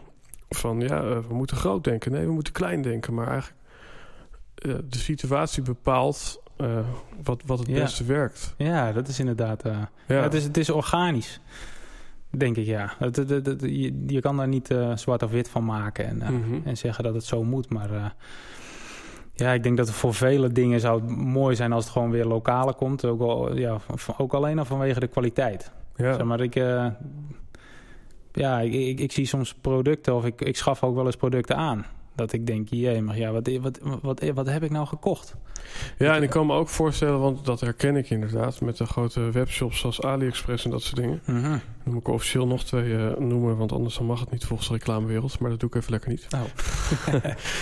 Maar ik kan me ook voorstellen dat als jij weet van... hé, hey, mogelijk is mijn buurman de afnemer van mijn product... en jij moet de straat oversteken de dag daarna... dat er ook een soort geweten ontstaat als je iets heel erg eh, slechts hebt ontwikkeld. Maar op het moment dat jij iets in China hebt ontwikkeld eh, voor AliExpress... ja, dan weet je toch niet wie ermee wegloopt. Ja, ja. En eh, dan is er dus ook eh, Ja. geen verantwoordelijkheid. Nee, nee, dat klopt. Ja. Ja, ja, absoluut. Ja, tuinsets die zo wegrotten of de lijnverbindingen die slecht in elkaar zitten. Of, ehm, ja, ik op een gegeven moment dus bijvoorbeeld, ik heb van die lijm, lijmpistolen, zeg maar. Dus om kit te lijmen. En ik heb kokers van constructielijm. Op een gegeven moment zei iemand, joh, die dingen die liggen in de, bij, de, bij de Action. eh, voor 3 euro per stuk. Nou, die, die, die normaal kosten die jongens, die kosten 35 euro, 40 euro per stuk. Dus ik, nou, dat meen je niet. Ja, hij zegt echt waar, dan moet je maar gaan kijken. Dus ik ging daarheen en ik, ik dacht, ja, verrek, dat zijn precies dezelfde. Dus ik koop, ik koop er gelijk zes. Dacht ik, ja, dan ben ik voorlopig even een tijdje Ja. klaar. Nou, en ik kwam op de zaak en dan heb je er zes gekocht. En dan, en dan stop je dan koken in en dan doet dat ding het. Hij, hij, hij, haalde, hem, hij haalde gewoon niet de lijm eruit. En dan, en dan denk je, jemig jongen, ja... Zeg maar, het, het is al... Dan moet ik helemaal weer terug naar de action. Moet ik die... die, ja, Ja. Die, die- ik, ik, ja, ik denk, weet je, ik gooi ze ook gelijk weg. En dat is eigenlijk het erge. Ik, ik denk dat er een boete moet komen op spullen die het gewoon niet doen en wel verkocht worden. Ja. Ehm, dat zeg maar de, de, eh, de, de actions, die moeten geld betalen. Eh, zeg maar, jij koopt iets van 3,50. Nou, als het dan echt ook niet werkt, zoals deze... eh, en het, is, eh, het, het, het komt zeg maar vaker voor. ja. Dan moet het op een gegeven moment in een commissie. en dan moet ze dan moet- 3,50 geven aan iemand in jouw webshop Ja, voor, ja. voor de makers. Oh, dat zou mooi zijn. Ja, lokaal weer uitgeven. Maar, maar zeg maar, er moeten gewoon boetes komen op, op een wc-borstel. Laatst had mijn vrouw die had een wc-borstel. Zeg maar, die, eh, als je die in de, in de wc stopt, dan breekt gewoon de hendel eraf. Zeg maar dan, ja, zeg maar, het, ja, Shit happens. ja, ja, precies. Ja, je kan niet eens je reten mee afvegen. Maar ik vind dat best wel, ja, best wel, eh, best wel schrijnend. En, Mhm. en zeg maar, het erg is dan ook nog, het, het is zo goedkoop. Dat je denkt, ja, weet je wat, ik gooi het wel gelijk weg. Terwijl, ja, Ja. zeg, maar, dat, dat is denk ik gewoon... Als ik, als ik iets verkoop en het is niet goed, ja, dan komen ze bij mij terug. En dat vind ik ook terecht. Ja. En daarom maak ik ook gewoon geen rotzooi. Nee. Ik wil niet dat mijn klanten terugkomen. Ja. Want ik moet het zelf betalen Ja. als het fout gaat. Ja, en die winkels die komen er eigenlijk mee weg. Om, ja, en dan denk je ook van, ja, die, die zullen er ook niet om malen als ze 3,50 terug moeten betalen of zo. Nee. En dat is een beetje het erg, denk ik.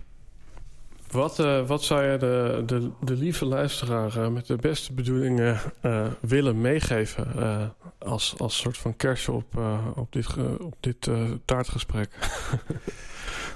Ehm, ja, ik denk, denk misschien wel een paar. Zeg maar, aan de ene kant bijvoorbeeld ehm, eh, die TED-talk... die ging heel erg over geduld. En ik denk dat geduld de sleutel is naar, naar, ehm, naar rijkdom. En, en dat het ook ons echt een Sterkste duurzaam... hout groeit het langzaamst. Ja, ja, klopt. ja, kijk, als wij geduld hebben en wij niet vandaag besteld morgen in huis onze producten binnen moeten hebben, dan hoeven er, hoeven er geen 200 miljard kledingstukken onze kant op om, om te maken. Als wij een jaar van tevoren onze kleding zouden bestellen, dan zou dat al enorm veel schelen. Mhm. Dus in die zin, ja, zorg, zorg dat je weer een beetje rustig wordt. En dat je gewoon spullen met geduld kan aanschaffen. En, en helemaal straks op mijn webshop. Al die makers, die maken het op maat en op per stuk. En naar Mhm. wens van de klant. Ehm, die makers die hebben ook een stukje geduld nodig omdat je ingepland moet worden. En materialen moeten ingekocht Ja. worden en dat soort dingen. Dus, dus ja, zorg eigenlijk, als wij met z'n allen zorgen dat we meer geduld hebben om onze spullen aan te schaffen, dan creëren we een mooie wereld. En tegelijkertijd denk ik ook, ja, het is ook een beetje een missie. Dus zorg ervoor dat je, eh, als je mensen wil veranderen, veranderen, denk ik, en je wil ze echt tot diep in de kern van hun ziel en van hun geweten veranderen, dan zal dat altijd moeten gaan op een vriendelijke manier. Ja. En ehm, als je mensen vriendelijk verandert, en dat, dat zie ik heel veel bij ja, sommige mensen, bijvoorbeeld iemand die vegetariër is, eh, ve- vegetariër is ehm, ja, die, sommigen kunnen er zo in doordrijven dat, dat mensen denken van ja, dag, ik, ik, ik heb helemaal geen zin in tofu. Ik, wil, ik, ik eet Mhm. liever wat anders. Of eh, als, je, als je dat op een vriendelijke manier, wat eigenlijk vegetariër is natuurlijk een heel mooi iets. Om, om, om door te dragen. Maar als je dat op een vriendelijke manier kan brengen. En, en niet duwen, maar, maar Ja. mensen zelf laten beslissen. En uiteindelijk wel een beetje bewust maken. Ja, want dan het. ben je misschien duurzaam eh, in materialistische zin, zin, maar niet in eh, communicatieve zin. Ja, Ja, ja, ja, klopt. Ja. ja. En dat is, als je, als je, als je mensen vriendelijk verandert, dan, dan verander je ze echt, denk ik. Je kan ze onder druk zetten of wat dan ook, maar dat is niet, ja, daar zitten mensen niet op te wachten, ja. En, en natuurlijk de stu het stukje natuur. Ja, het zijn eigenlijk drie, drie belangrijke dingen. Dat je, dat je eh, ook, ook de natuur opzoekt en dat je beseft hoe belangrijk het is. En dat technologie, eh, allemaal heel fijn en heel praktisch op sommige momenten, maar dat het ons ook in, in sociale omgang wel eh, verstoort. Of eh, ja. eh, een rondje door het bos heen lopen, dat het zo ontzettend veel ja. rust geeft. En Dus het is niet alleen ontwikkeling, maar het is misschien ook onderontwikkeling van dat wat we al die jaren heel goed konden, namelijk sociaal ons tot elkaar verhouden met respect en in het hier en nu. ja, Yes, dankjewel. Ehm voor de luisteraar, er is een hele mooie show note waarin de linkjes naar onder andere de boeken en de informatie van Jan te vinden is. Jan, is er een plek in het bijzonder waar je mensen naar wilt verwijzen waarvan je denkt, nou op dit moment ben ik hiermee bezig of eh, kijk daar eens naar? Mm, nou, ik denk eh, dan misschien een kleine oproep naar alle mensen die maken en die eigenlijk ook een soort platform zoeken om samen te werken met andere makers voor een duurzamere wereld en, Ja. en een wereld waarin we weer. Er komt meteen iemand in me op. Dat is echt heel bijzonder, want ik heb hier met Brenda de Groot gezeten een aantal afleveringen geleden. Zij is primatoloog. Zij eh, heeft zich dus eh, verdiept in onder andere apen. En ook, ja, eh, zij wil de verbinding tussen mens en dier herstellen. Van waarom eten we een, een koe en aaien we een hond. En in India eten we een hond en aaien ze een koe. Ja. Hoezo? Ja. Maar zij eh, illustreert dus eh, allerlei eh, ja, zaken rondom dieren en ja, hoe, hoe dieren zich tot andere dieren verhouden en hoe wij ons tot dieren verhouden. En zij maakt daar hele mooie illustraties voor. En dat zou volgens mij een hele mooie zijn in jouw concept. Oké, ja, te gek. Ja, Ja, Ik, de, ik zal er zelf bellen. tof. En, en ja, mensen die dit horen en die denken, ja, ik pas daar ook tussen. Eh, en, en het mogen concurrenten of collega's zijn. Of, eh, eh, ja, ik, ik wil gewoon samenwerken met al die mensen die vanuit, vanuit een, een, een passie en een bezieling mooie dingen creëren. Waar ik dan ook graag wat af vanaf zou willen nemen. Ja. Super, dankjewel. Eh yes, voor de luisteraar nog een keer. Als je over deze uitzending wilt meepraten, dan kan je of een comment achterlaten op Instagram, op YouTube, op Facebook, waar dan ook. Ehm, ja, eh, ik zou zeggen, volg Jan en eh, ja, als je het er niks anders voor weggooit wat nog heel veel waarde heeft, koop dan bijvoorbeeld je nieuwe tafel bij Jan. Ehm, yes, en dan gaan wij afronden. Dan wil ik je bedanken voor een hele mooie episode. ja, ik eh eens gelijk. Mooi. Dankjewel. Dankjewel. Ja, het zou zomaar kunnen dat je deze podcast luistert omdat je ook een ondernemer bent. Nou, hartstikke tof. Alleen volgens de KVK ben je dan niet meer de enige, want dit jaar zijn er nog nooit zoveel aanmeldingen geweest voor eenmanszaakjes als afgelopen jaar. En daarmee zijn er misschien wel meer coaches op het moment dan coaches. Misschien zijn er wel meer fotografen dan modellen. En misschien wel meer schrijvers dan lezers voor jouw oh zo toffe artikelen. Ja, reuze gezellig zou je misschien denken, maar het zet ons natuurlijk ook op scherp. Want ook voor de klant is de keus reuze. Voor jou misschien wel tien anderen in een landschap waar velen op papier hetzelfde doen als jij.